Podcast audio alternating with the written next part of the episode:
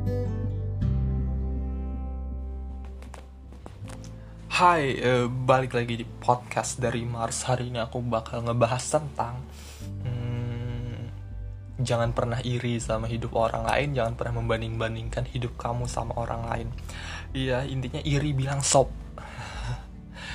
Uh, Dari aku sendiri ya, ini dari pengalaman aku pribadi sih. Ada beberapa orang yang pernah ngatain aku Nggak banyak sih, tapi ada yang pernah ngatain aku Dan membanding-bandingkan hidupku dengan hidupnya.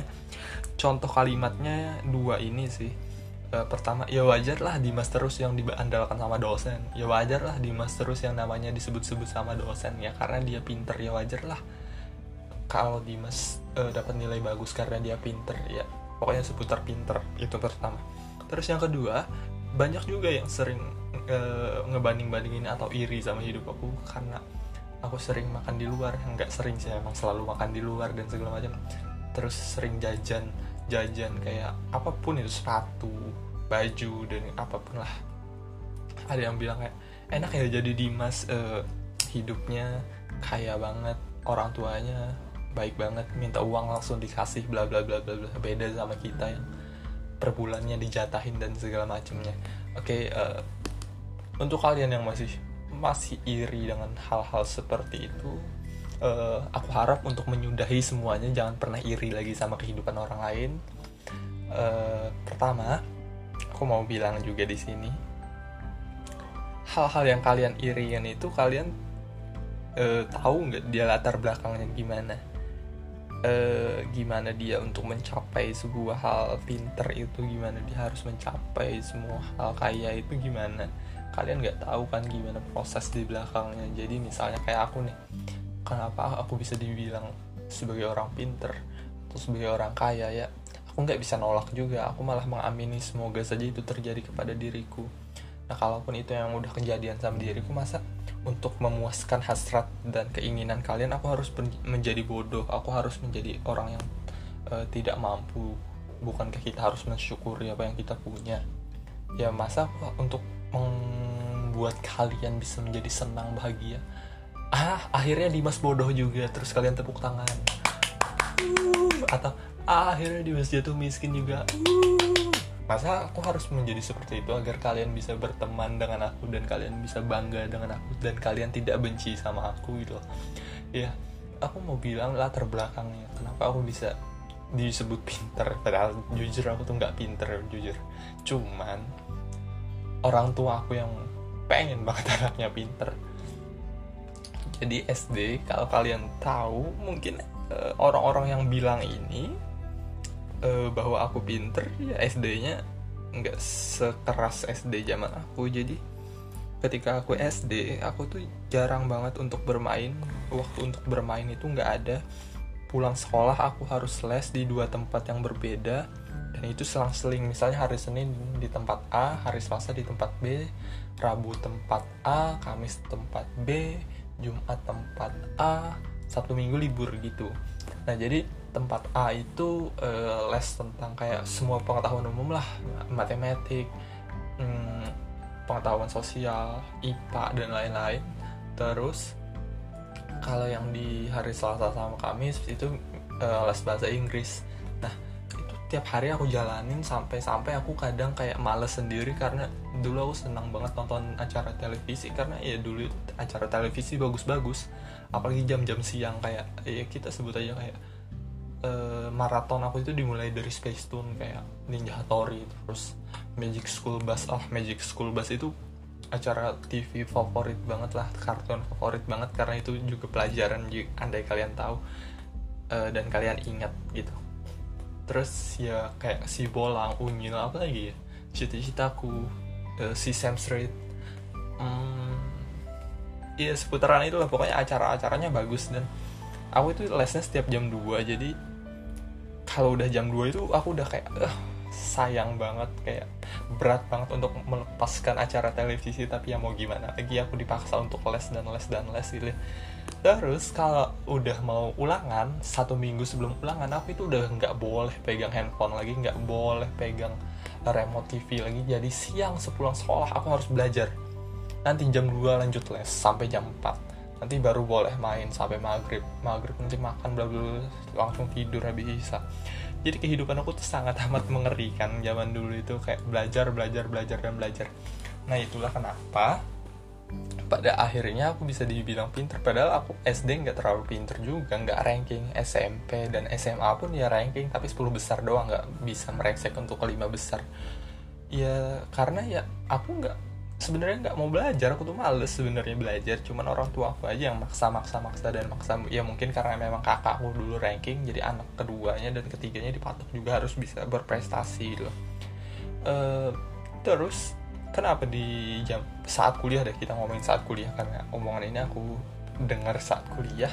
Ya kenapa saat kuliah aku bisa se se apa ya seaktif ini bisa dibilang apa pun pertanyaan dosen bisa untuk diatasi dijawab dan segala macam sebenarnya bukan karena aku pinter sih karena aku belajar lebih dulu aja beberapa materi dari dosen itu. Jadi pada saat SMA mungkin atau semester sebelumnya aku udah baca tentang materi itu. Jadi pas dosen ngejelasin aku uh, ada bayangan oh ini materi yang pernah aku baca oh ini uh, suatu teori yang pernah aku baca. Jadi aku bisa untuk menjelaskan dan men menjawab apa yang dosen bilang. Jadi bukan karena aku pinter tapi karena aku lebih tahu dulu dari kalian aja. Sebenarnya kalian pun bisa di posisi aku.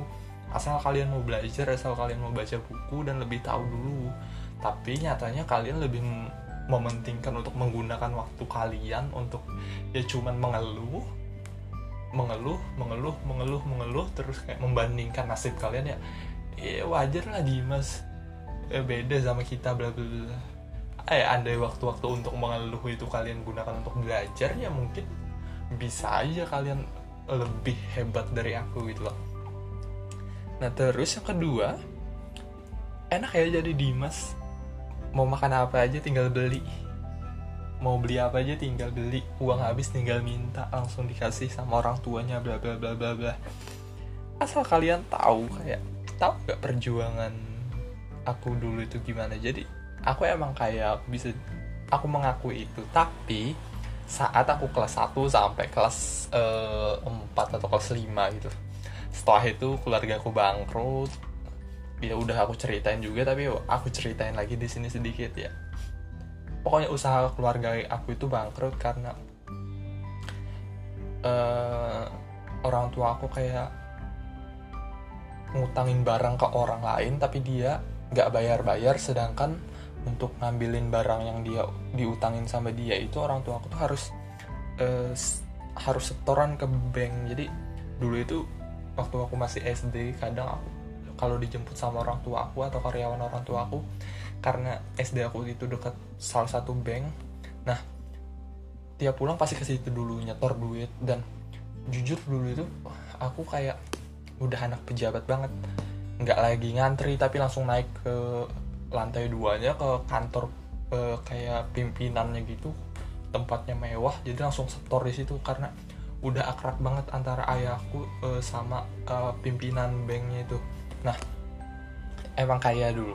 Terus sampai satu hari bangkrut karena nggak bisa lagi untuk uh, bayarin utang-utang itu semua harta habis ya properti kendaraan tanah perhiasan dan segala macam. Terus uh, pada saat itu aku juga dihipnotis pada saat uh, kelas 5 atau kelas 6 aku agak lupa deh. Itu aku sama mama aku dihipnotis jadi perhiasan mama aku diambil uang puluhan juta diambil terus kayak emas kawin mama aku berlian mama aku di dalam tas itu semuanya diambil sama uh, orang yang hipnotis itu. Sebenarnya nggak dihipnotis sih. Eh sebenarnya nggak diambil sih terhipnotis jadi pada saatnya dia kayak ke tokonya mamaku ke toko sembakonya mamaku beli rokok gitu. Tapi yang dikasihkan oleh aku dan mamaku itu malah tas mamaku. Jadi ya gitu deh. Uh, nah uh, kita bangkrut habis itu uh, jualan kue mamaku jualan kue. Ya nitip di warung-warung dan di sekolah aku pada saat SMP pada saat aku kelas 1 itu. Ya cuma 800 rupiah satunya dan aku pun malu banget pada saat itu ya gimana ya kita ketika udah baru masuk SMP ketika itu kan masa transisi itu masa remaja ketika kita ingin cari jati diri kita dan kita ingin menampilkan diri kita yang hebat namun pada kenyataannya kita adalah sosok orang yang bangkrut dan segala macam bawa tempat kue diliatin cewek-cewek jujur aku malu banget pada saat itu pada saat kelas 1 itu. Tapi uh, lambat laun ekonomi keluarga aku udah mulai membaik lagi sekarang dan ya mungkin ini karena uh, trauma juga sih. Eh kayak bukan trauma sih kayak ketakutan dari orang tuaku mungkin ya. Karena dulu itu pada saat masih kaya orang tuaku itu punya uh, teori untuk mengajarin anak-anaknya jangan pernah dikasih apa pun yang dia minta dengan mudah. Jadi misalnya nih aku minta sepeda padahal duit pada saat itu banyak satu hari itu dapat aja uh, berapa puluh juta. Uh, terus aku minta sepeda misalnya. Itu nggak bakal dikasih hari itu juga. Padahal ya tinggal kasih 2 juta nih beli sendiri misalnya. Bisa aja tapi nggak pernah dikasih. Aku minta laptop nggak pernah dikasih langsung. Pokoknya pelit banget. Nah mereka itu selalu bilang bahwasanya ke kolega bisnisnya kalau uh, teman bisnisnya datang ke rumah saya itu nggak pernah manja-manjain anak saya saya itu nggak pernah nurutin semua keinginan anak saya dengan mudah. Karena saya itu pengen mereka itu eh, nggak selalu menuntut minta satu hal terus langsung dikasih satu hal langsung dikasih. Karena uh, saya tahu kalau kita itu nggak selalunya di atas bisa aja nanti kita bangkrut dan segala macam. Nah kalau kita lagi udah nggak ada uang dalam kondisi yang bangkrut dan segala macam uh, ketika mereka selalu dimanjakan ketika minta A dikasih ketika minta B dikasih pada saat kita nggak punya uang ketika mereka menuntut sesuatu gimana kita cara menuhinnya? Begitulah kayak teman aku dulu. Nah jujur aku pada saat itu bangga eh bukan bangga. Jujur aku pada saat itu benci banget sama teori mama aku kayak alah pelit lah pelit aja gitu kan. Kayak kenapa sih? Kayak soalnya tetangga tetangga aku sepupu sepupunya aku itu uh, ekonominya pada saat itu di bawah dari aku tapi mau apa pun dikasih sama orang tuanya ya dikasih gitu. Mereka minta apa pun dikasih sedangkan aku yang saat itu berkecukupan tapi ya pelitnya minta ampun. Nah mungkin setelah kejadian itu mereka uh, sekarang udah mulai bangkit lagi uh, mereka udah kayaknya nggak mau lagi untuk melakukan hal itu. Ap apalagi anak-anaknya sekarang udah besar-besar juga jadi ketika kita minta uang jajan langsung dikasih dikasih dikasih dan asal kalian tahu kalau kenapa aku makan di luar terus itu emang karena perintah dari orang tua aku. Jadi mereka itu bilang udah kalau memang makan di luar ya cuma sepuluh ribu satu kalinya eh, satu piringnya sampai dua belas ribu ya makan di luar aja. Nggak apa-apa. Toh kalaupun masak ya cuma sejumlah begitu doang juga jumlah ininya. Misalnya satu hari 30 ribu untuk jajan di luar. Kalau masak ya sekitaran itu juga ya mending beli di luar aja nggak capek-capek masak lagi gitu loh. Nah, kenapa pada akhirnya aku makan di luar itu? Ya karena mereka juga yang menyuruh aku untuk makan di luar supaya anaknya ini balik lagi bisa fokus belajar bisa fokus baca buku baca jurnal. Sedangkan anaknya ini agak males padahal.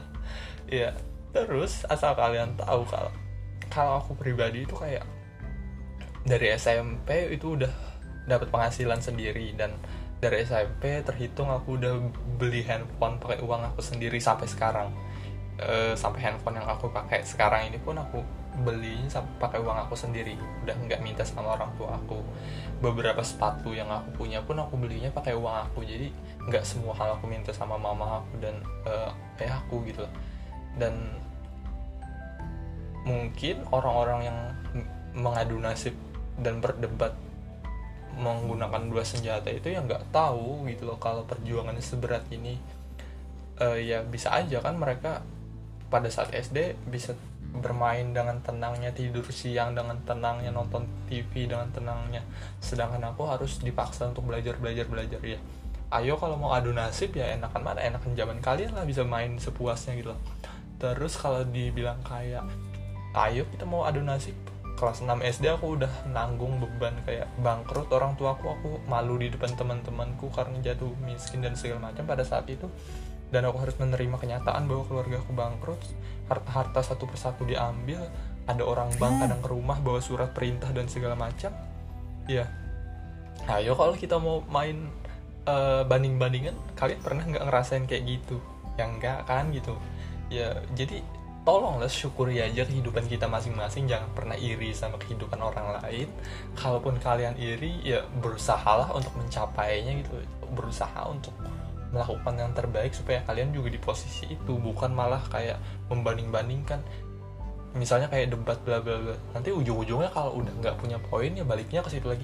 Rumah enak dim punya orang tua yang ngasih uang tiap tiap hari buat jajan. Punya orang tua yang baik banget ketika anaknya minta langsung dikasih dikasih uang nggak berbatas tiap bulannya kapan anaknya minta diberi bukan kayak kita yang dikasih sekian sekian sekian tiap bulannya. Harus berhemat dan bla bla bla bla bla. Atau misalnya lu mah enak diem deket sama dosen. Dipuji-puji terus sama dosen. Punya otak pinter. Lah kita tiap hari masuk ke kelas cuman bingung bingung bingung bingung. Nggak bisa memahami segala macam. Ya daripada lu cuman mengadukan nasib lu kepada diriku ya kalian kan bisa tuh belajar itu kepada pus kalian bisa tuh sambil usaha gitu. Dan aku pun sekarang ambil usaha gitu nggak cuman mengandalkan duit orang tua aku aja gitu loh. Jadi untuk kalian yang masih iri tolong buat kalian yang iri di luar sana siapa pun uh, cerita ini cuman jadi contoh doang karena aku pernah mengalami tapi e, secara garis besarnya aku pengen bilang kalau misalnya untuk kalian masih iri tolong jangan pernah lagi iri sama kehidupan orang lain. Kalian nggak tahu kan di belakang itu gimana perjuangan beratnya mereka untuk mencapainya apa aja yang harus mereka pertaruhkan apa aja yang udah mereka alami kalian nggak tahu kan? Nah, jadi jangan cuman melihat hasilnya sekarang tapi kalian juga harus coba cari tahu gimana cara dia mendapatkan hasil yang sekarang. Jangan cuma langsung ngejudge uh, hasil yang sekarang. Nah terus untuk kalian yang pernah di posisi seperti aku tenang gak apa-apa. Diaminin aja setiap uh, apa pun yang orang lain bilang. Misalnya kayak enak ya uh, sikap enak ya kamu uh, orang kaya. Diaminin aja. Enak ya kamu pinter. Aminin aja. Enak ya kamu punya wajah yang glowing. Aminin aja. Apa pun itu diaminin aja. Jangan pernah uh, untuk membalas untuk kayak malah menyerang balik untuk mengadu nasib dan segala macam ya biarin aja diaminin aja didiemin aja disyukurin apa yang udah dikasihkan sama kalian. Jangan pernah uh, bosan untuk mendengarkan mereka. Nggak apa-apa mereka cuma mau cari perhatian doang kok. Uh, mungkin itu aja podcast hari ini.